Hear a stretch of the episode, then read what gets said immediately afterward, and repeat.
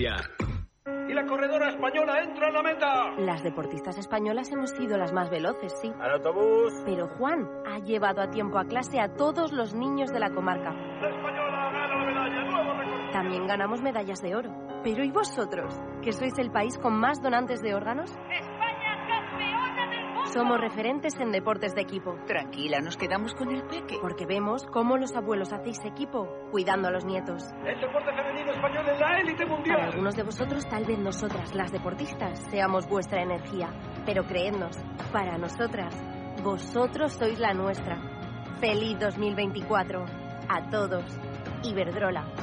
Iberdrola, empresa colaboradora con el programa Universo Mujer.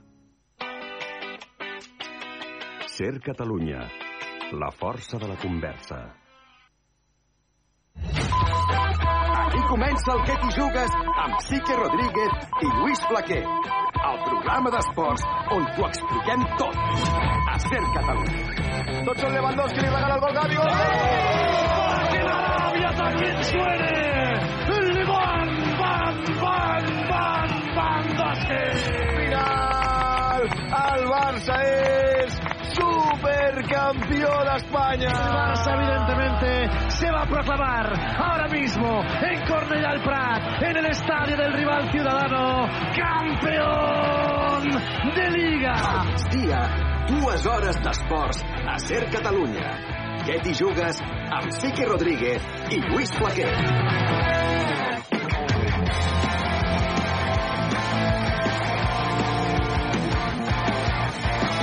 Què tal? Bon dia, benvinguts al Que t'hi jugues. 3 de gener i dia de plats forts, eh? Tenim un clàssic d'Eurolliga, eh? que es presenta sí. apassionant i fonamental pel Barça. En parlarem profundament al programa. Tenim un Girona Atlètic de Madrid, que en funció del que passi abans al Real Madrid-Mallorca, el Girona podria ser campió d'hivern. Està el Nil pesadíssim. Pel Nil Solà, que... Pesadíssim, inaguantable. Entre el Nil i la Núria Vilamala... Uf, i la Núria ja ni t'explico. Imagina't. Així que hi ha plats forts i tindrem roda de premsa de Xavi Hernández, la primera de l'any, a partir de les dues de la tarda, perquè el Barça juga demà al camp de la Unió Deportiva Les Palmes. Ramon Besa, què tal? Bon any. Igualment, bon any a tothom. Com estàs? Com han anat les festes? Bueno, estic una mica feixuc ara ja, Què ha cansat. passat? Estàs ja fart de festes? Estàs empalmant una darrere ja l'altra. està, queda el dia de Reis i ja està, no? Bueno, però no sóc tan jove com vosaltres que teniu una màquina de trinxar i tot, tot va bé. Quan et fots gran, doncs has d'anar... Arriba un moment que tens les senyals d'alerta, eh? Llavors no saps si és una grip intestinal, ara Ai, que hi ha tants ja virus... passa, ja no passa, ja no Sí, passa, eh? Compte. i, i has de posar uns límits al menjar i al sí. beure i doncs, clar, es nota, es nota, la data es noten Ja, aquestes és que, què coses. m'has d'explicar? Ja t'ho dic jo. Ah, jo jo ja, ja me n'he donat que ja no puc menjar tant com menjava. O a mi, o a mi. Eh? Ja m'ho d'explicar, per favor. Tan a poc a poc. Adrià, ja t'arribarà, Adrià, ja t'arribarà. Bruno, ja Jo també, t'arribarà. ja, ja, ja comença a cuidar, ja. Sí, sí. I el Santi Ovalle, que avui està una mica batut perquè correcte. s'ha donat que era jove. Ha deixat de ser jove oficialment avui. Oficialment eh? has deixat de ser jove avui, Santi Ovalle? Tens la T jubilat. Depèn per aquí. Sí, sí. La TJ és la T jubilat. perquè jo fins ara feia servir la T jove Sí. del transport i avui he anat a picar el bus i se m'havia exhaurit i quan he anat a comprar ja no em deixava carregar una T jove. Ni el Club un- Super 3. És Ja, una, també, deixes de ser. No, no, ojo, ojo, el tema és una pujada molt bèstia, el transport. Sí, sí, sí. Perquè la T jove és, són 40 euros un trimestre Sí. amb sis zones. És a dir, pots anar per tota Catalunya. I ara la més eh, econòmica que he hagut de comprar són eh, una eh, mensual per 20 euros i només una zona. Per tant, la pujada de preu al trimestre és eh, brutal. A pagar, eh? Jo, jo soc molt poquí. Sí, sí, sí, és la secció No, bueno, de... és que és un tema. Sí, és un tema, sí, és un tema. Deixar Em sembla molt car el, el transport a Barcelona, sincerament. Molt car. Vols fer Santi Blinders o... No, així? però Santi és, Blinders. no, és una denúncia que faig jo aquí perquè, perquè sí, perquè em sembla... Com serà que si- amb 80 anys? Que si volen promoure... Es nota que s'ha fet gran, eh? I si volen promoure el transport públic, com a mínim entre la gent que està empadronada a Barcelona o a l'àrea metropolitana, Ai, quines coses de posar-ho molt més Quines econòmic. coses de... La bici i ja està. Jaume Collboni, què tal? Bona tarda. Així comencem amb aquesta denúncia de el veterà Santi Ovalle, el que diu. Jubilat. Que t'hi jugues al migdia és la nostra sintonia. L'esport sona diferent amb la força de la gent. El sí que saps cada dia. Ser Catalunya t'activa. Informació i alegria. La ràdio és un referent, és emoció i sentiment, la nostra forma de vida. Som els del que t'hi jugues, ja ho sabeu, fins a les dues de la tarda, acompanyant-vos cada dia de dilluns a divendres aquí a Ser Catalunya, en un dia molt carregat de prèvies, de prèvies eh, importants. La primera ens porta a parlar del Barça, que juga demà a dos quarts de deu, primer partit de l'any a l'estadi de Gran Canari, davant la Unió Deportiva Las Palmes de García Pimienta. Adrià Albets, s'espera que Vitor Roque entri a la convocatòria. Sí, ho farà després de l'entrenament. Xavi donarà aquesta llista de convocats per viatjar avui mateix a Les Palmes i, pel que ens diuen des del club, hi serà Vitor Roque. La idea de Xavi és convocar el brasiler a l'espera que sigui inscrit a la Lliga, que és una qüestió de temps, i el Barça estan convençuts que abans de demà estarà inscrit. Després veurem si debuta o no, però eh, Xavi se l'emportarà a les Palmes, encara que sigui amb l'asterisc de pendent d'inscripció, i portarà el dorsal 19. Vitor Roque, per tant, si res no canvia, el veurem viatjant a les Palmes aquesta tarda després de l'entrenament. Qui no entrarà, en principi, encara és Íñigo Martínez, eh, perquè ahir eh, només va fer part de l'entrenament amb el grup per primera vegada, després d'un mes eh, lesionat, i seria precipitat ja donar-li l'alta, i seran baixa també els lesionats Marcos Alonso, Gavi i Ter Stegen. Tornarà, per cert, a la convocatòria Frenkie de Jong, que estava sancionat a l'últim partit contra l'Almeria, però, insistim, la notícia molt probablement serà aquesta tarda la presència de Vitor Roque a la convocatòria per viatjar a les Palmes. Cosa que fa pensar, Santi, que la inscripció és qüestió de superar certs tràmits, entenc. Això diuen que és un tema això diuen al Barça, que és un tema més burocràtic que una altra cosa, que el jugador serà inscrit, ho confirmen des del Barça i des de la Lliga, com a traspassat eh, durant els propers sis mesos, fent servir la via Gavi, per dir-ho així, l'article 77 del reglament, que permet a un club accedit en fair play, com és el Barça, inscriure el 80% del salari d'un jugador lesionat de llarga durada. Per tant, se l'inscriurà per a aquesta via, no de manera permanent, i serà al juliol quan el Barça haurà de fer espai a la massa salarial a Vitor Roque per inscriure'l de manera permanent, els 6, eh, 7 anys, en aquest cas de contracte, que li han signat a Vitor Roque. Això té un inconvenient, que no és gaire gran, però és un inconvenient, que al Barça li restaran capacitat de fair play al juliol, uh -huh. és a dir, li restaran milions al fair play perquè els ha utilitzat ara quan no li pertocaven, perquè s'acull aquesta excepció de la lesió de llarga durada però ho haurà de fer així perquè el Barça no té capacitat per inscriure amb normalitat. Per tant, aquesta és la línia que seguirà, l'article 77 del reglament de la Lliga, que et permet inscriure, tot i estar accedit, per una lesió de 5 o més mesos, com és la vaga. El Barça pot inscriure Vitor Roque gràcies, entre, entre cometes, la gràcies, a la lesió de Gavi, però com diu el Santi, després del mes de juny haurà de redreçar de nou la situació de Vitor Roque per poder tornar-lo a inscriure ja definitivament amb aquests set anys de contracte que se li han signat després d'arribar en aquest mercat d'hivern. Ets de Tigrinho, Ramon, t'engresca, ets d'expectatives d'anar a poc a poc, baixes... Eh, clar, s'està muntant, sembla que Tigrinho sigui ja un, no sé, sí. estem fent un gramassa amb, amb les expectatives o la pressió que li estem sometent a un, a un nano que, que, esclar, ve a fer gols, però té, té l'edat que té. Sí, jo no, no sóc tan, tan allò entregat, no?, de dir, prefereixo veure com s'adapta, com s'acopla, em sembla bé que passi a formar part ja la dinàmica del primer equip. És veritat que ara, quan l'equip no, no, no li acaben de sortir les coses, sobretot en atac, doncs eh, busques i mires la banqueta i un dia surt, jo que sé, un gol d'aquells de Joao Cancelo que no esperes, l'altre dia potser una jugada de la Minja Mal, l'altre dia apareix el Marc Guiu, sempre apareix algú i penses que si hi ha un davanter com Víctor Roque, doncs eh, segurament també hi haurà més opcions mm, d'apartar Lewandowski, de jugar amb Lewandowski. És una variant més, però clar, és un nano de 18 anys, i crec que bueno, avui el, el món mediàtic eh, està molt enfocat en, amb l'especulació, amb la virtualitat, amb mm. dir que tot és perfecte, fins que després ja t'ho trobes, no? Ha passat amb la capitalització del Barça, és a dir, teòricament, les palanques, ara ja no sabem eh, on passem. Jo, com a mínim, m'he perdut.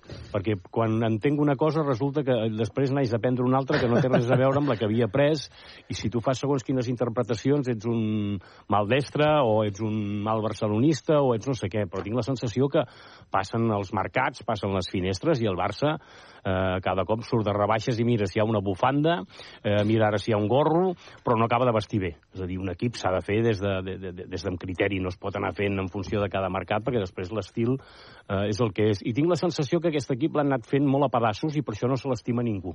Sigui, hi ha un pedaç de, de, del president, hi ha un pedaç de l'entrenador, hi ha un pedaç de, de, de que ve de l'any passat, hi ha un pedaç de, del Mendes, hi ha un pedaç de no sé què, del Deco, que també s'ha dit, llavors tu dius, bueno, però qui, qui, qui, se l'estima? Qui és el que diu anem per bon camí? Això només es pot fer a través del futbol i, per tant, el que s'ha de confiar és que juguin bé futbol amb un partit també molt interessant, perquè el, el Xavi, la, la, la pressió que ara té ja no és simplement de la classificació, que és allò que no pots perdre punts, sinó també del jugar. I, és clar et trobes amb el Pimienta, amb un equip com les Palmes, que l'ha optimitzat eh, fins ara, eh? no, ja veurem com acaba, però és evident que era un equip que li va costar pujar, però l'any passat va pujar bé, i ara eh, ha tingut molta sort, diria jo, amb el, amb el porter, perquè el Valles Jo. aquest em sembla que és un... Un grom, un tros de porter, eh? Un tros de porter, però que juguen bé futbol i, per tant, tens un partit allà dels pio-pio que, que, la, que ho pots passar malament si no estàs molt bé. La Unió Deportiva Las Palmes és el segon pressupost més baix de primera, està a la part mitjana de la classificació i és el segon equip menys golejat de la Lliga. Veritat que potser li falta una miqueta de, de gol a dalt, però un García Pimienta que ho està fent prou bé. Arnau Pou, de fet, el tècnic ex del Barça, ha fet roda de premsa avui i ha parlat del Barça. Sí, aquest matí ha parlat l'extècnic blaugrana a la prèvia del partit contra el Barça. Pimienta ha assegurat que no ha tornat a parlar amb la porta després de la seva sortida del Barça i li agraeix que gràcies a ell està molt en aquesta etapa a les Palmes. No he vuelto a tener eh, contacto, eh, pero bueno, mm, también mira, quiero darle las gracias porque gracias a esa decisión estoy hoy aquí. Nunca hubiéramos sabido qué hubiera pasado y a los seis meses de, mi salida de Barcelona tuve la opción de venir aquí a Las Palmas. Es una historia para mí inmejorable, estoy muy a gusto aquí, me siento muy querido, creo que estoy en el sitio ideal y gracias a aquella decisión estoy ahora mismo entrenando aquí a Las Palmas.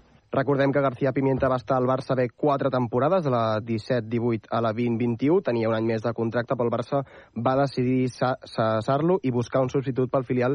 I mesos més tard, al gener del 2022, va ser quan les Palmes de segona divisió va fer l'aposta per ell. Pimienta també ha explicat en roda de premsa que serà un partit especial, que no sap com se sentirà, i que creu que l'equip ha de ser valent i protagonista per treure un bon resultat.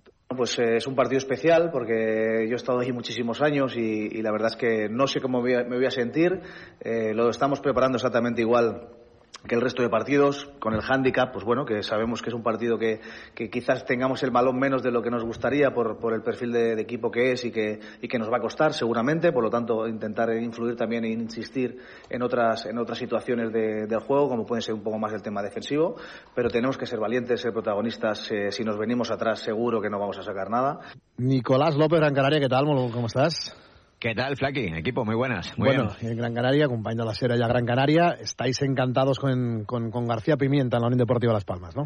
Sí, eh, muy felices porque el entrenador actual de la Unión Deportiva de Las Palmas, hay que recordar que fue uno de los artífices del ascenso último del equipo de la primera división y de alguna manera está eh, convirtiendo esta andadura del conjunto Gran Canario en un auténtico sueño porque muchos pensábamos que efectivamente las dificultades para lograr la permanencia iban a ser muchas, que el equipo iba a tener eh, muchas complicaciones en el primer tramo de la temporada, sobre todo porque le iba a costar adaptarse a la primera división, pero lo cierto es que el trabajo de Xavi García Pimienta, el trabajo de su cuerpo técnico, el empuje y el empeño de los futbolistas del equipo amarillo, de alguna manera están convirtiendo esta andadura en eh, una fase realmente dulce en este tramo de la temporada. Fíjate, a 12 puntos de el descenso de categoría, una Unión Deportiva Las Palmas que se hace respetar en cada uno de los eh, partidos, que compite muy bien y en definitiva, en definitiva que, que la gente está muy ilusionada con este proyecto que encabeza el técnico Xavi García Pimienta. Y con ese estilo tan reconocible en el Barça y que tan, tan buen gusto tiene también en, Gran Canaria. ¿eh? Ya, lo, ya lo hizo Setién en su día, que hizo una gran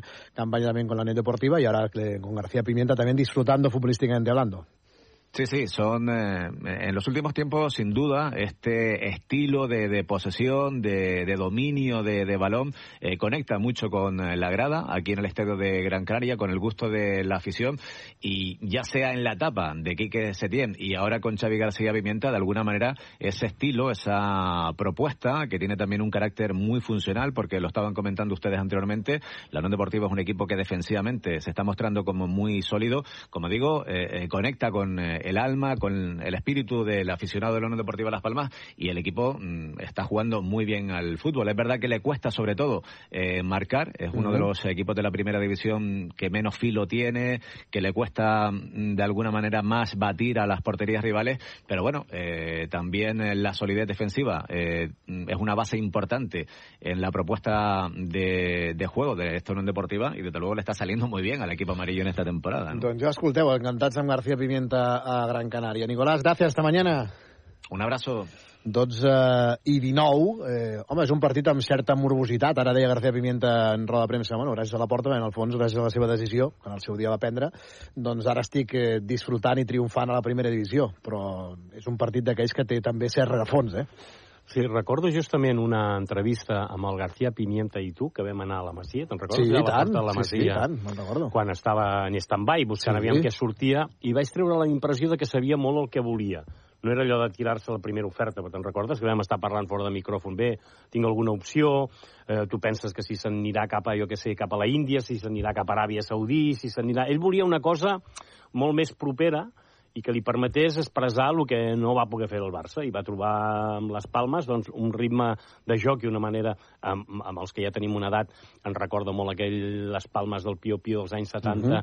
d'aquella calma, no? D'aquella pausa d'aquell agradar-se de, de, de, de saber portar la pilota i, i bueno, crec que s'hi ha trobat molt a gust i el Barça ho tindrà... Bueno, veurem, eh? Jo crec que la gran expectació és que jo no sé quin Barça veurem. Clar, no, no, no, no oblidem, Ramon, que venim de la darrera roda de premsa de Xavi Hernández, posa el triomf eh, gònic davant de l'Almeria, anunciant mesures. O sigui, aquell dia va dir no es tornarà a repetir que certs jugadors no corrin, hi va haver una esbroncada que es va filtrar detalls després del, de, del vestidor on, se- segons algunes informacions, es va assenyalar fins i tot directament per part de Xavi a Lewandowski. És a dir, hi ha jugadors que cal veure quin rol assumeixen a partir d'aquella esbroncada pública de Xavi Hernández. Sí, primer jo crec que hem de veure molt l'alineació, perquè clar, si prendrà decisions, si és que hi ha algun jugador que surt eh, assenyalat, és evident que els últims partits jo crec que tant Lewandowski com Joao Fèlix eren els jugadors que més o menys estaven assenyalats. I crec que en el cas del Joao Fèlix és un problema de mecànica de joc també, no només d'actitud. És dir, el Xavi, justament amb la Supercopa i amb els enfrontaments al Madrid, va, va, va inventar-se el quart centrecampista. Sí. I el quart centrecampista no és el mateix que en la punta del rom, això que també s'han inventat, que a mi em costa tant, que és la base del rom del quadrat i ara la punta del quadrat, no és el mateix que jugui Joao Fèlix o que jugui Pedri o que jugui Gavi era un punt molt delicat i crec que això ha descompensat una mica a, a, a l'equip, eh, sobretot defensivament, que és un equip que el que ens costa més de veure és que siguin tan vulnerables. Condé, per exemple, sembla un jugador totalment fora de, de, de, de, de, de, de, de onda, i per tant no ho sé què és el que han entrenat, no sé què és, ara tampoc es pot veure els entrenaments, no sé què és el que ha passat, però sí que d'alguna manera s'ha de veure si l'equip respon als estímuls de Xavi o no l'entenen. Per mi aquest és el dubte, si, si el diagnòstic que té l'entrenador és tan clar i el sap aplicar, no hi ha d'haver problema, perquè sabrà què ha de fer. El dubte jo és si el segueixen o l'entenen, perquè clar, llavors si no l'entenen ni el segueixen, llavors el problema sí que seria greu. Però de moment jo crec que se li ha de concedir la vènia amb el senyor Xavi de dir, doncs bueno, jo ja sé el que tenen, jo ja sé el que falta i jo sé com, com eh, arreglar-ho. Doncs bueno, ho mirarem demà o començarem a veure demà. Són primers dies d'any, sempre es miren expectatives, eh, objectius. Eh, Tu, futbolísticament, del Barça, què n'esperes en aquest 2024? no sé, el mateix que el 2021. que, que, que vegi un equip que, que comença a jugar a futbol i que té uns fonaments. Perquè ja sé que moltes vegades eh, eh, el resultadisme aquest de, de, de la Lliga passada eh, va, va anar contra natura. I això no estic dient que no, ting, no sigui una lliga de molt de mèrit. Però es va guanyar una lliga i li dir, escolta, tu podem guanyar la lliga, no la podem perdre, i es van guanyar a, a les àrees. Però cap de les dues coses es va consolidar. Si tu tens una idea de joc que tu dius som molt forts a les dues àrees, tenim el Pichichi tenim el Zamora, o sigui, tenim un tio que es diu Lewandowski i tenim a Ter Stegen, vol dir que continuarem sent forts a les àrees. Per tant, el que hem de fer és millorar altres coses. I de cop i volta no s'ha consolidat cap, ni una ni l'altra.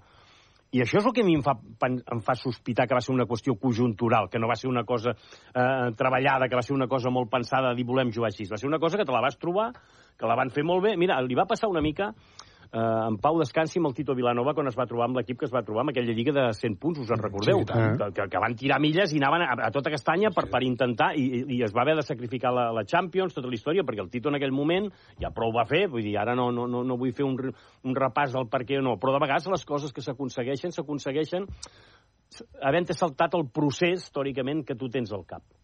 I aleshores jo el que demano és tornar a recuperar el procés i de dir, doncs, bueno, que es jugui bé futbol, que surti un equip. Jo, jo vull saber si, per exemple, o sigui, aquests nanos que entren i surten, quin es consolida. Un dia veig el Marc Guiu, l'altre dia jugo amb els juvenils, l'altre dia jugarà, no, no, no sé on passa. Uh, jo que sé, un dia veig que el, el Cancelo a la, la dreta, després l'he acabat veure a l'esquerra, però ara no s'entén amb el... És a dir, jo, l'usada que es diu, que és a dir, el, el, el del mig centre, igual, la mecànica, bueno, hi ha un doble pivot o no és un doble pivot, o la base que hi ha, un dia hi ha Gundogan, l'altre dia hi ha Pedri. És veritat que les lesions hi han influït molt, però l'equip ha de tenir una, un, un, una personalitat. El Xavi parla molt de molta personalitat i jo em costa molt de veure-li de vegades encara a l'equip. Doncs és el desig del Ramon, eh? veure un equip que, que creix i que té una direcció clara, un GPS ben marcat. Ara esmentaves a Pedri, un Pedri que ha estat eh, eh, notícia en els darrers, eh, les darreres hores, Adrià. Sí, que abans no l'hem dit a la llista de baixes, però lògicament sí. és baixa per sí, sí. partit de demà també a les Palmes, i que ahir va estar xerrant una estona al Twitch de l'Ibai Llanos, on va parlar precisament sobre la seva lesió, va dir que no sap encara quan podrà tornar, ja vam explicar que és molt complicat, gairebé impossible veure-la a la Supercopa d'Espanya, i diu Pedri que ha viscut moments durs per culpa de les últimes lesions i que sobretot l'ha afectat que es digui, per exemple, que li agrada molt sortir de festa i que s'hagi parlat de falta de professionalitat. A ver, es complicado, he pasado tiempos difíciles y es complicado, sobre todo mentalmente. Eh, la gente habla mucho, siempre la prensa salen cosas de, de que sales de fiesta, de cosas así. Y, y, es mentira, o sea, soy un tío que ni me gusta la fiesta ni nada de eso y, y bueno, son cosas que, que te duelen, mentalmente es complicado llevar todo esto, pero me encanta entrenar, he tenido las lesiones, pero, pero lo que no me permiten es jugar y es lo que más me gusta. Explica Pedri que ha canviat alguns hàbits de la seva vida per intentar evitar les lesions. Reconeix que la primera temporada, on va jugar 73 partits, se'l va sobreexplotar, també perquè ell tenia moltes ganes i li ha acabat passant factura, i diu que fer pilates, per exemple, mm -hmm. li està anant molt bé. Sí, a ver, es verdad que fue una temporada larguísima, son 73 partidos y, y bueno, es verdad que puede afectar, pero, pero claro, era una, mi primera temporada, también eh, tenía muchas ganas de, de, comerme el mundo y, y, bueno, es verdad que cuando ya tienes la primera lesión, todo el mundo dice que es normal que, que tengas más probabilidades de recaer. He cambiado cosas de, de mi vida pa, para mejorar, eh, sobre todo físico y, y, mentalmente y bueno. O sea, has cambiado eh, temas de, de, tu hábito. Sí, por ejemplo, he cambiado la dieta, he cambiado, ahora voy a, a Pilates, que es una cosa que, que me recomendó eh, Puggy, que me viene muy bien, sobre todo para la elasticidad, porque hay mucha gente que se piensa que a Pilates solo van las mujeres y no es así. Y sirve para, para, sí, para, sirve para muchas sí. cosas y, y, para fortalecer. También voy a una cámara hiperbárica. Eh, hago diferentes cosas para, para mejorar. Doncs ha canviat la dieta, mmm, passa per una càmera hiperbàrica i deixat, va a Pilates... Ha deixat les croquetes. Ha deixat les croquetes, les croquetes de, de, la mare. de la seva mare. Sí? Sí, home, sí. s'ha canviat la el dieta. Germà, doncs... El germà és cuiner, diria. És, el germà que viu els amb ell... fregits no acostumen a anar El germà que viu amb ell és, és el seu cuiner, perquè ha estudiat cuina. El Fernando. Sí, es diu Fernando, no? Sí. El germà diu sí. Eh, I va a Pilates perquè li va recomanar Puy, Puy, eh? Puyol. Sí, sí. Um, sobre la situació del Barça i com pinta aquesta temporada, ell ho veu amb optimisme i creu que poden lluitar per tots els títols. Bien, es verdad que, que en Liga no estamos como nos gustaría. Es verdad que el Girona y el Madrid están a, a siete puntos, pero pero bueno, es un año nuevo. El año pasado, eh, a estas fechas, estábamos casi igual, pero sin un título que era la Champions, que estábamos eliminados y, y hay que mirar a, hacia adelante. Creo que una liga son muchísimos puntos, eh, puede pasar cualquier cosa y claro que, que se pueden remontar. I després sobre Vitor Roque, hi ha, Vitor Roque. hi ha una cosa que a Pedri especialment li crida l'atenció. Què creieu que a Pedri és el A que Vitor més Roque? li crida l'atenció de Vitor Roque? No sé si us heu fixat amb les imatges i els vídeos d'aquests dies de Vitor Roque als entrenaments del Barça, a la visita als hospitals d'ahir. Hi ha una característica que té Vitor Roque i que, que a mi també m'ha cridat molt l'atenció. ara em fas dubtar, no sé. Que la tenia Ronaldinho, també. Sí? Está siempre riendo. Home, Ronaldinho és eh, somriure, sí? Mira què diu Pedri. La verdad que es un tío muy... Siempre lo veo sonriendo. Cada vez que lo veo en el vestuario está sonriendo. tío. Sí. Bueno, los brasileños siempre están felices, tío. Siempre transmiten esa magia y bien, es un jugador también, tiene 18 años, es muy joven. Tampoco se le puede pedir que, que sea el nuevo Pelé, pero, pero claro, eh, la verdad que, que es un jugador que tiene mucha confianza depositada al club. Vol dir que hi havia molta amargura al vestidor, n'hi ha, no? T'an- T'anava a dir això. Ja li va bé al Barça algú que somrigui. Perquè sembla que tothom tingui el gest torçat. Però bueno, si mires les declaracions, el Gundogan un dia no sé què, el Gavi empanaos, l'altre no sé què, i al final un tio que es fot a riure i diuen, ah, mira que bé. Bueno, si algú que ho desglaci això, que, que doncs es liberin i que... ja ha fet el primer servei Tigrinho. Tigrinho ja ha trencat el gel a Barcelona. Entre que riu i el rugido del tigre, això serà tremendo, eh? Molt cosa- bé perquè els antics entrenadors eh, diuen que és el nou Ronaldo, l'Adrià Alves acaba de dir que és el nou Ronaldinho, Sí, sí, sí. vull dir, I això que Adrià no, no, no el beneeix Jo, gaire. Víctor, jo vull dir una cosa. Acabarem Víctor Roque i Déu més. Exacte. Lewandowski també somriu, eh? No tant. També rialler, eh? no és el Darrerament, mateix. darrerament no gaire. Darrerament no gaire. No no Últimament té cara, té cara seta. Tranquils. Eh, Ramon, per tancar amb tu, eh, T'he preguntat què n'esperaves futbolísticament, ja insinuaves abans el tema de les palanques, que, que, que no acabem d'entendre, però del club en aquest any què n'esperes a nivell institucional? No sé, una política que fos molt més definida i que no s'improvisés tant. Jo sé que és molt difícil avui dia capitalitzar el club, eh, és molt difícil i ara veure quins, qui, quin patrimoni més es pot hipotecar amb les palanques, és molt difícil trobar diners, però crec que d'alguna manera la gent entendria que no es fessin tantes virgueries ni tantes operacions difícils d'explicar i es fessin coses més amb sentit comú. Jo tinc la sensació que de vegades s'han fet alguns fitxatges, algunes inversions, que no sé si és que eren una necessitat esportiva, o com a mínim jo no les veia. Després la gent doncs, ho ha anat acceptant, però ara estem parlant molt de sessions, eh? d'aquestes sessions que vol dir que eh, guanyes temps. Només fas que anar guanyant temps.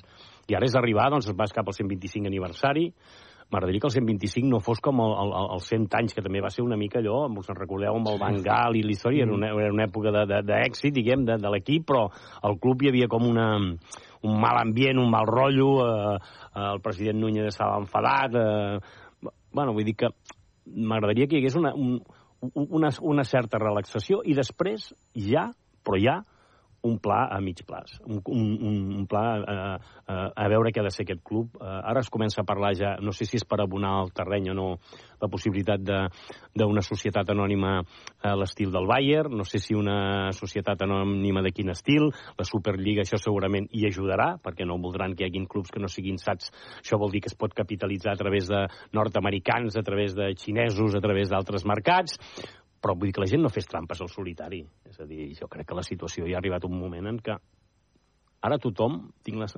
És com si estiguéssim veient una gran pel·lícula, no sé si us sabré explicar, i la gent espera i dius el, el president se la fotrà, però és que se la fotrà, mira, mira com va, i si se'n surt, doncs mira, contents tots. Saps allò de, de, de, de la sensació de que, de que dius això, ai, ai, ai, ai que una, saps si fos una carrera de 110 metres tanques, mm. i amb una vas pim-pam i l'altra el que sigui, dius, no arribarà, però al final arriba, perquè la gent és, és capaç l'optimisme aquest que ha tingut sempre a la porta de, de, de, de contagiós és el que li ha donat viure. Jo sempre explico aquella anècdota de dir que l'únic que no es pot posar trist és el president, perquè mm. si el president es posa seriós i comença a parlar de quin plan s'ha de fer i comença a parlar de les societats anònimes, comença a parlar del tipus de propietat, comença a presentar quines tipus de seccions s'han de fer, si les seccions poden ser tan professionals. Estem veient, el Xavi ho sap Eh, tu no pots dissimular que les sancions estan en una regressió sí, econòmica. I, i, I si abans ja et costava plantar cara als equips russos, als equips quan competien turcs i uh, grecs amb el bàsquet, doncs amb l'handbol, amb, amb els hongaresos, amb els polonesos, tot això, tot això és una evidència. I per tant no es falta allò d'anar a omplir la boca que som el Barça i el, i el valor de mercat que té i no sé què, sinó de començar a dissenyar cap on es va. I, i et fa l'efecte que aquest, aquesta bola del model s'anirà fent grossa? Sí, perquè jo cada cop que parlo amb gent culer eh, que es dedica als negocis i que té fons d'inversió, gent que es dedica a l'economia, ho, veuen, ho veuen clar. Dir, és veritat que hi ha una part culer molt social que diu eh, sempre serem més que un club i, bueno, però es pot ser més que un club però amb, una, amb un altre tipus de societat, un altre model de governança. Està demostrat que això, aquest model, el control social és, és molt difícil, el control periodístic cada cop és molt més difícil, també, i s'ha d'endreçar aquest club, s'ha de decidir cap on tira. Perquè jo tenia entès eh, que el, el president Laporta el que va dir que aquest any havia de ser ja el de si contractava un director general. Primer va dir no, es va, va, va prescindir del CEO, perquè dient mm. eh, jo ho vull fer jo, però quan ho tinguem tot endreçat i anem molt més bé, crec que va ser aquest any mateix, també va dir que anaven més ràpid del que es pensaven. Bueno, si, amb tots els meus respectes, si veus el que ha passat al Libero, més bé del que pensaven, no crec que vagin. No crec, perquè això, vulguis o no, també el mercat europeu et fa pupa. És a dir, això la gent en parla. No, escolta, com, com pot ser? I un altre cop, 2024, després del 2021, un jugador de 18 anys que se li ha de fer una sessió perquè no pots fitxar en unes condicions normals, jo no veig com atacar després d'haver purgat ja una part que ja tothom té assumida, que és que l'herència que hi ha hagut d'aquest club és, és insuportable i, per tant, eh, s'havia d'actuar. Però crec que la societat, no sé com acabarà, eh? però sí que tinc la perspectiva de que el model de governança no dic societat anònima, eh? dic el model de governança, la manera de quines, quines properes eh, com, característiques haurà de tenir el president del Barça. Com passar tot això? Això estem eh, en vigílies de veure de que serà un canvi molt gran. Doncs veurem com evoluciona tot plegat en l'any del 125è aniversari del club i l'any en què, en teoria, si tot va bé com espera el club i està convençut que així serà, es tornarà a jugar els partits també al, al nou Camp Nou, ja en aquest cas. Bueno, això, si em permets també per afegir, les circumstàncies ho abonen perquè la desmobilització social és notòria. Sí Per això parlava de l'expectació. Hi ha molta gent que és soci del Barça, però que no ha renovat l'abonament i que s'ho mira. Va dir, aviam, avui, ui, ui, però no, no és activa, no és com abans que hi havia una oposició, bueno, hi ha el Víctor Font, o gent que deia això no pot continuar, sinó que s'ho va mirant. Llavors, això d'anar veient la pel·lícula, hi haurà un moment que algú dirà, bueno, doncs mm, això no podem anar mirant aquesta pel·lícula, o hauríem de posar, o, o la línia de met on és? Veurem on és. Veurem on és. Ramon, estàs en forma. Gràcies. Sí, com estàs? Sí. Bon any i gràcies per estar un, un any més al que t'hi jugues. contrari, 12 i gràcies a 35, pausa i seguim. Què t'hi jugues? Un programa... Culer, culer, culer. Escolta'ns de dilluns a divendres, de 12 a 2, a Ser Catalunya. Culer, culer, culer, de llorar. L'únic que vull és ballar-te, ballar-te, ballar-te, ballar-te. Ser Catalunya. Jo que vull és ballar-te, ballar-te, ballar-te, ballar-te. La força de la conversa. Si elegir es ahorrar for you, ahorra eligiendo 3x2 en más de 3.500 productos. Como en el Danacol 100 gramos pack de 6. Comprando dos, el tercero te sale gratis. Hasta el 15 de enero en Carrefour, Carrefour Market y Carrefour.es. Carrefour, aquí poder elegir es poder ahorrar. Solo hasta el 7 de enero en Carrefour y Carrefour.es tienes un 40% de descuento en todos los juguetes y bicicletas por compras superiores a 40 euros. Carrefour, la mejor Navidad al mejor precio. Comienza la Navidad ahora en Teddy.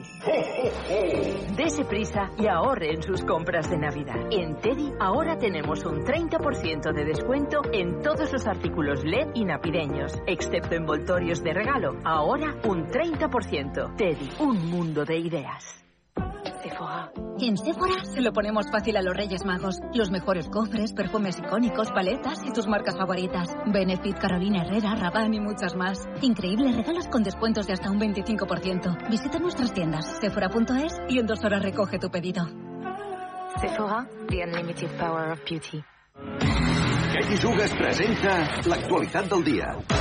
Xavi Saissó, repassem, endrecem l'actualitat, començant per la Lliga, jornada avui, més partits per tancar aquesta primera volta. Doncs sí, després del Getafe 0, Rayo 2, Real Societat 1, Alavés 1 i València 3, Villarreal 1 d'ahir, avui Granada, Cádiz, Real Madrid, Mallorca, Celta, Betis i Girona, Atlético de Madrid. De seguida estem a Girona i també a Madrid. Mentrestant, Luis Enrique buscarà el seu primer títol a França. Sí, a tres quarts de nou, final de la Supercopa entre el PSG i el Toulouse. Final marcada una vegada més pel futur de Mbappé.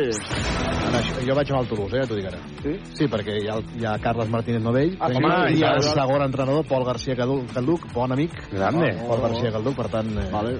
vaig amb el Toulouse. Sí, tots, no? Tots. Sí, tu el que vulguis. Home, el, el Carrenovell podem considerar pràcticament tertúlia, tertúlia del que t'hi jugues. Ha entrat 25 vegades. Doncs tots amb el Toulouse. Em quedo molt per Luis Enrique, que la gent li diem molt, però anem amb el Toulouse. Puc anar amb Luis Enrique, jo? No, no, va, tu ets un traïdor, home, tu ets un traïdor. Molt bé. Eh, cinc jugadors de l'Espanyol lliures per negociar ja el seu futur. Sí, Nico Melamed és el que més preocupa ja que podria sortir gratis el mes de juny. Els altres casos són els d'Òscar Gil, Keidi Vares, Sergi Gómez i Víctor Ruiz.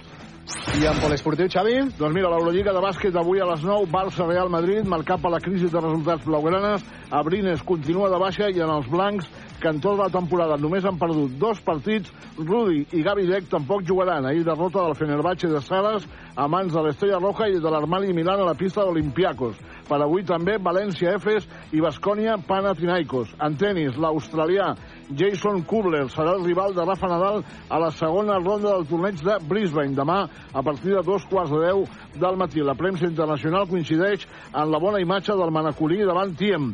En darts, s'està fent el Mundial a Londres. Sí. i la sensació és un nen de 16 anys que es diu Luke Littler, que ha aconseguit arribar a la final que jugarà avui. Tres dels quatre que estem en aquesta taula, Santiago Valle no ho sé, eh, diem que són dels 16 Diguéssim anys. que no aparenta 16 anys. Mm, eh, Diguéssim que la T jove ja no la pot fer. Correcte. El jove i el Super 3 jo crec que Jo crec que, tampoc, eh, almenys per la fotografia, costa. costa una, Bé, una si el seu DNI diu que sí, doncs Sí, home, que, però per què no confieu en Oh, el perquè, Barça? perquè, perquè no té cara de nen de 16 anys. Home, sí, per ja és un... Però vaja, És un viejo tot el, tot el nostre Està reconeixement. Bueno, i, el. I el Dakar continuen les verificacions a Aràbia. Al final, més de 50 pilots catalans, entre ells Nani Roma, el qui ni un càncer l'ha aturat.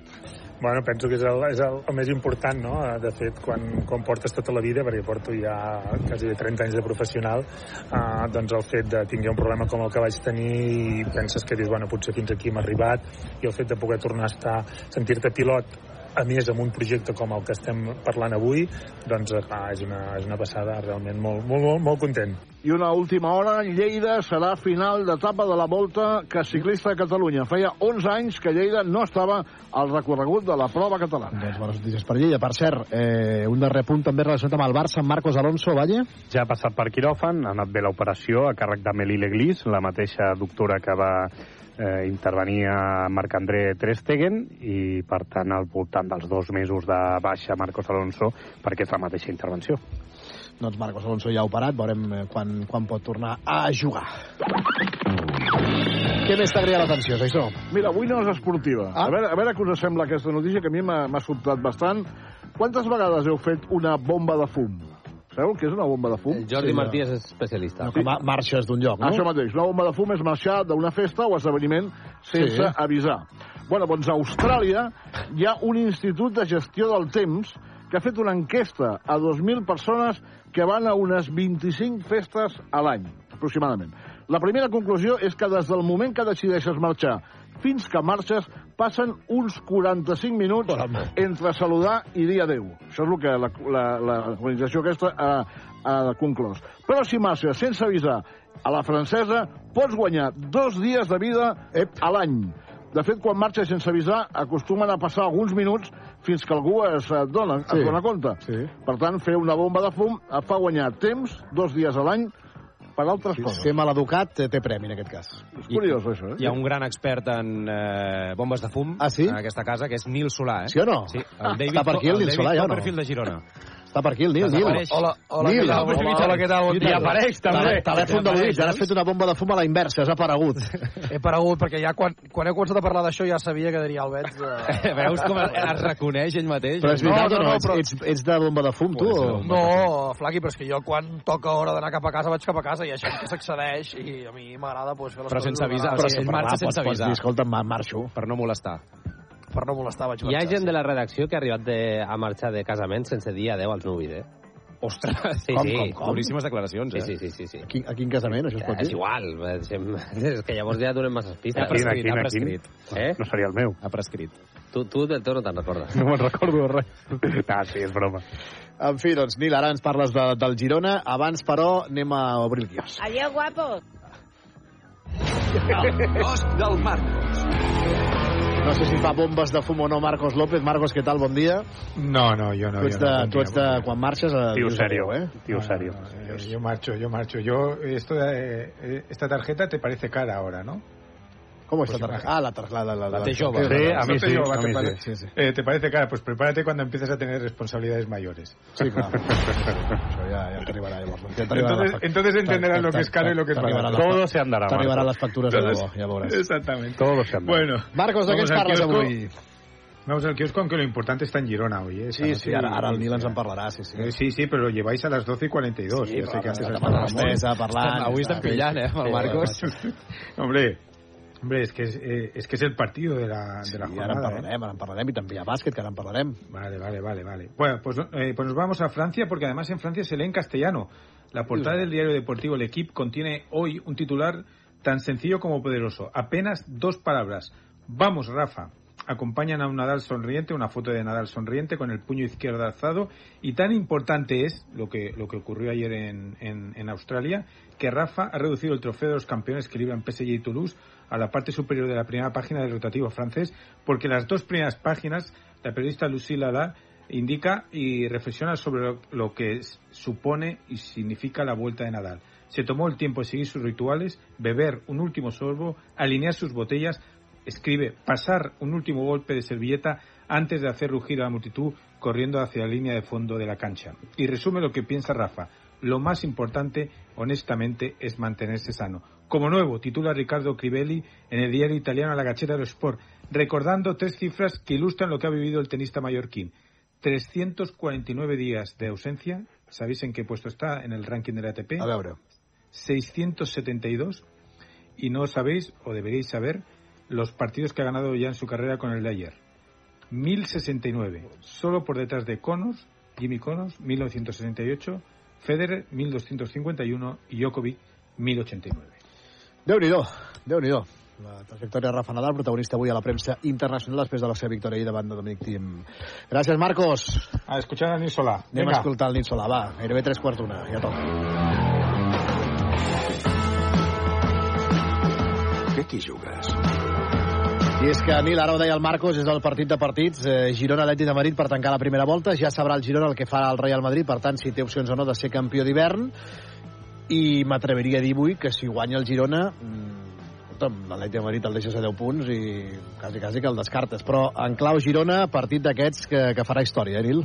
partits d'aquest que pot fer història, Flaqui, bàsicament perquè el Girona mai ha guanyat a l'Atleti de Madrid i Mitchell mai ha guanyat el Cholo Simeone. Per tant, el Girona que té uh, l'oportunitat avui uh, de poder ser campió de Berns si el Madrid no guanya a Mallorca, que guanyarà segur. Per Bueno, tant, bueno, el Girona bueno, té bueno, molt complicat. bueno, bueno. Bueno, segur, ja sabem, ja sabem com va això, si no apareixerà Lucas Vázquez al al 180 de, de cap, ja, ja van, van estar a punt de deixar-se punt l'altre dia al camp de l'Alavés i un Girona que eh, en principi, si no hi ha novetat, tot i que Mitchell no els va voler descartar ahir, eh, no podrà comptar ni amb Siankov ni amb Yangel Herrera, eh, com a mínim d'inici, David López també queda descartat, per tant Mitchell que haurà de donar entrada algun dels futbolistes que últimament eh, no està comptant en minuts a la banda, veurem si fa alguna cosa que pugui sorprendre eh, el Cholo Simeone, un Mitchell que ahir eh, també se li va preguntar a la roda de premsa per la situació d'Aleix Garcia i va ser força contundent perquè va respondre que Aleix, si marxa, a ell li farà molt de mal.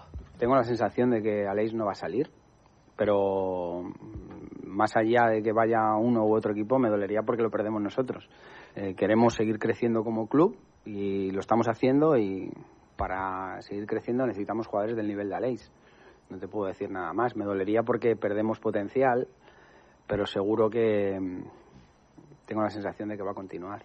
En Mitchell i Aleix que tenen una molt bona relació. De moment Mitchell diu que té la sensació aquesta de que continuarà el Girona. El club eh, de moment també tenen aquesta mateixa sensació com a mínim a dia d'avui i un Mitchell que precisament eh, sobre el tema de, del campionat d'hivern i també sobre les opcions de guanyar la Lliga va també ser molt contundent i va deixar clar que el Girona no és equip per competir per la Lliga. No, penso que no, perquè 90, 80 eh, i tants punts són molt punts.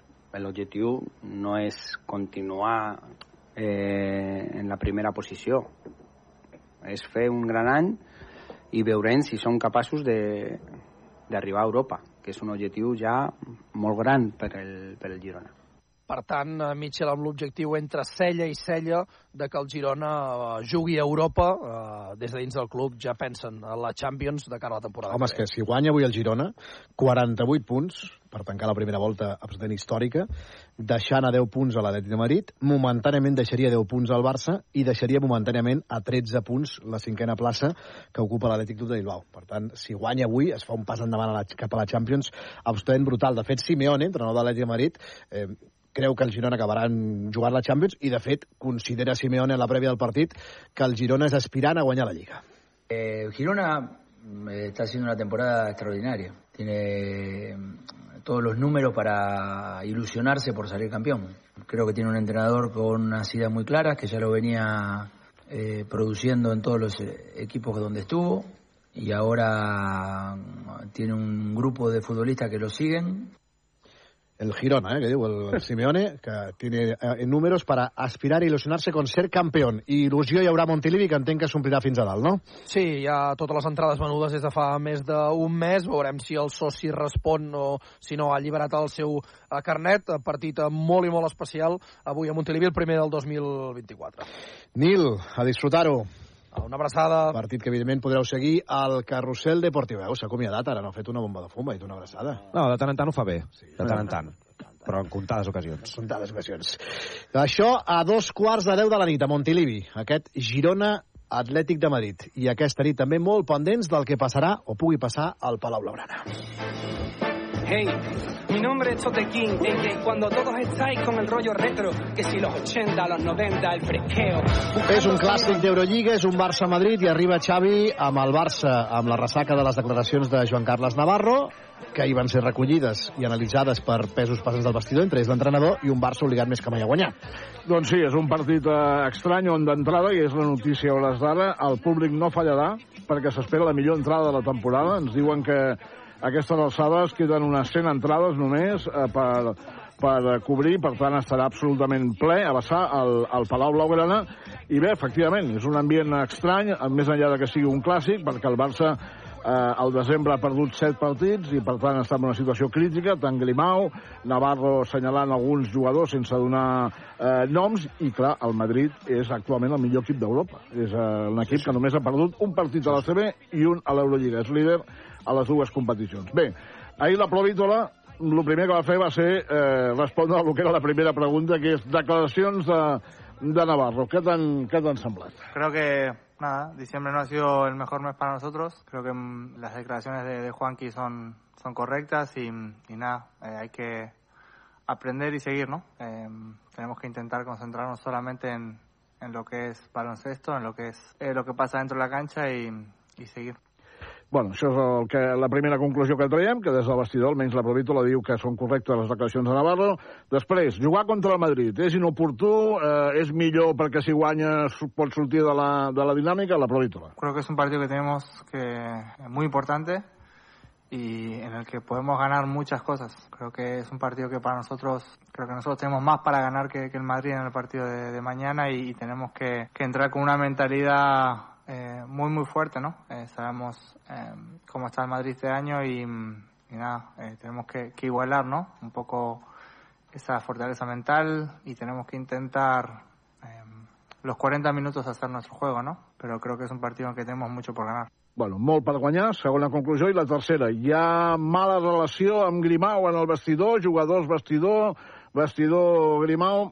La Provítola diu que la relació és bona. No, muy bien, eh, muy bien. Eh, la relación con Roger es, es transparente, es simple, es una eh, relación de entrenador-jugador y, y que, nada, creo que eh, obviamente está eh, experimentando un montón de cosas, pero nosotros como equipo estamos apoyándolo, ¿no? Eh, muchos jugadores experimentados eh, sabemos la situación que, que tenemos eh, de equipo, de cambios, lo dijo Juanqui ayer también.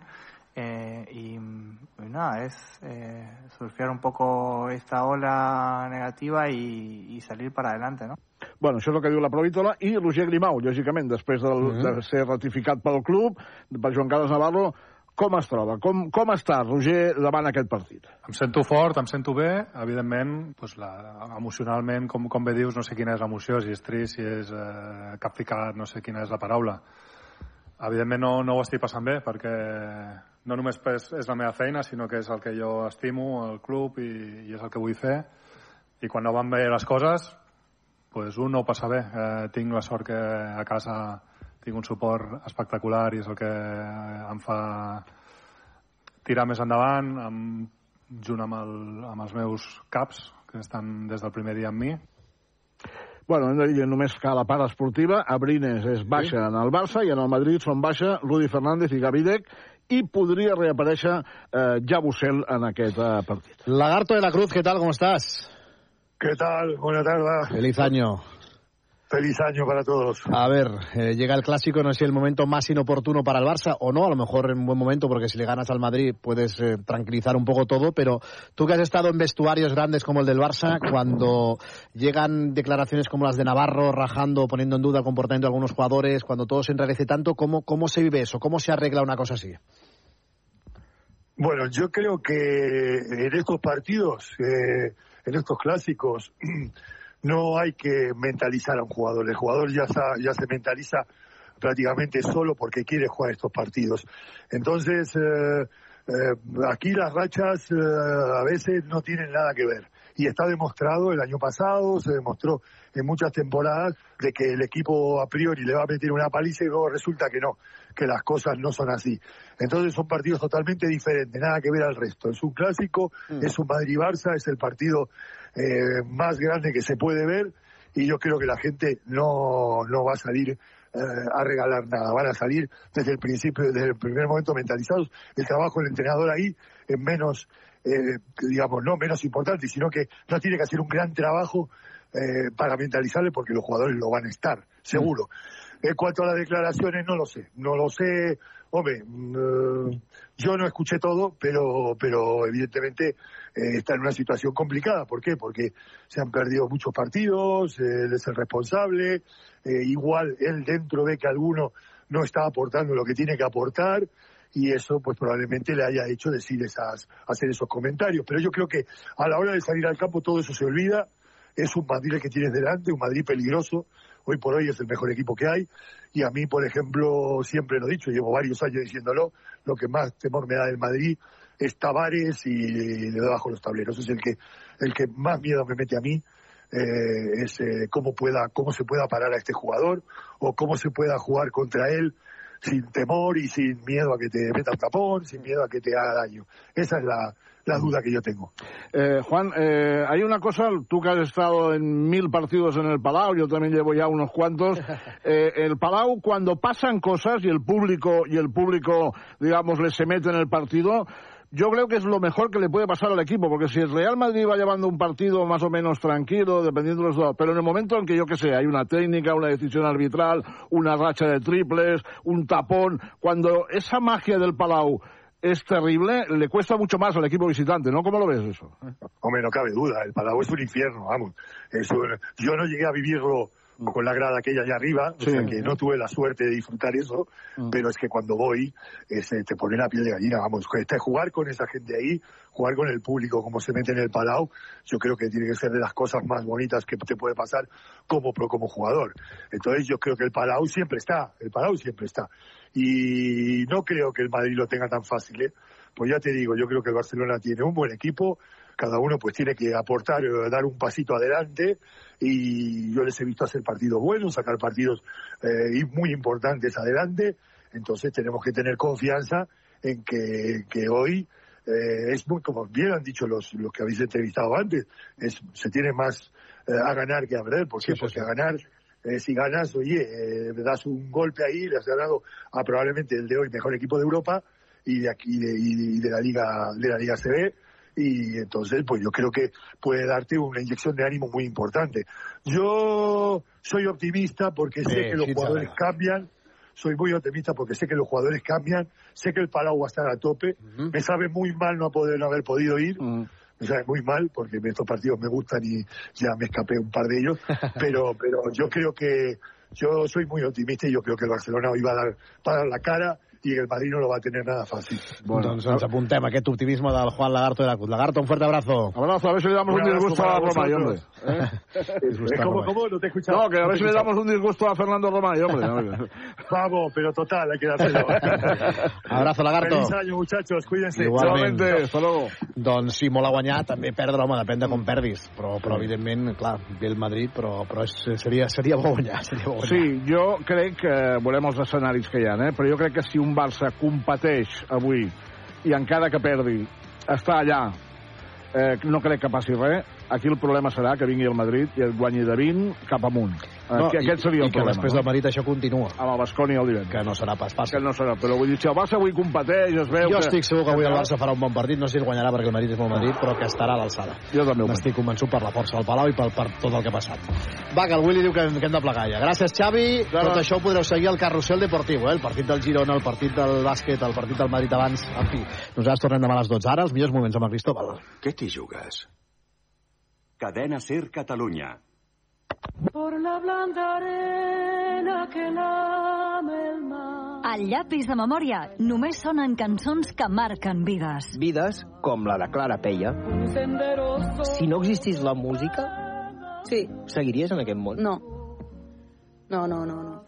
Ideacions suïcides jo no he tingut i, i crec que poder compartir això, poder parlar-ne, poder dir, ostres, que jo estic cansada de viure no? i l'altre diu, ostres, doncs jo també.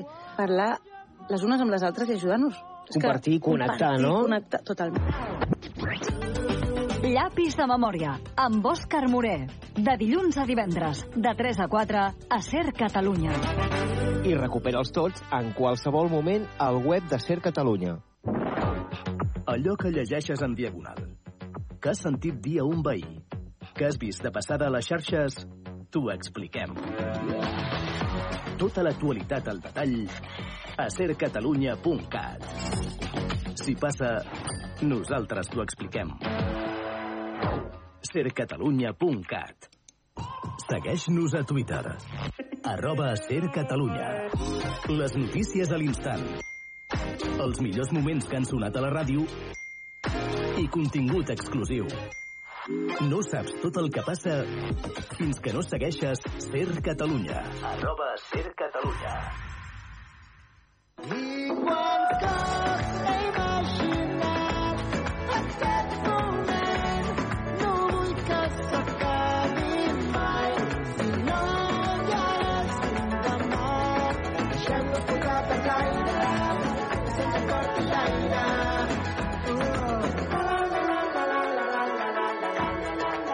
Ser Catalunya. La força de la conversa. Es la una, las 12 en Canarias. La incidencia de la gripe sigue en aumento. Los servicios de atención primaria se suman ya a la saturación de las urgencias hospitalarias, especialmente en Cataluña y en la comunidad valenciana. El pico de contagios se espera todavía para los próximos días. Javier Líbana, buenas tardes. ¿Qué tal, Laura? Buenas tardes. Y los expertos pronostican que ese pico de infecciones se puede alcanzar hacia la segunda quincena de este mes de enero. En la comunidad valenciana la incidencia ya supera los 1.500 casos por cada 100.000 habitantes contando gripe y COVID. Y en Cataluña o en la Comunidad de Madrid solo los contagios de gripe se han duplicado en apenas una semana, con unos 150 y unos 170 casos respectivamente. Esto está provocando que no pare de crecer la presión sobre los centros de salud, pero también sobre las urgencias de los hospitales. En un hospital de tercer nivel como el nuestro, para una población en torno a 150.000 pacientes, se están viendo diariamente unas 500 urgencias, tanto pediátricas como, como urgencias generales. Nos lo cuenta este médico de familia de un hospital de Valladolid que dice que no solo hay falta de sanitarios, sino también de infraestructuras para atender a los pacientes. Los enfermeros, por cierto, van a poder recetar paracetamol e ibuprofeno para tratar la fiebre. El Ministerio de Sanidad ha ampliado la guía de dispensación de medicamentos para este personal sanitario. La publica hoy el Boletín Oficial del Estado y como novedad figura esa nueva potestad para recetar antitérmicos. El PP critica la gestión del Gobierno tras los datos del paro del mes de diciembre del cierre de 2023 que hemos conocido esta mañana. El vicesecretario de Economía del Partido Popular, Juan Bravo, pide a PSOE y Sumar menos maquillaje más reformas.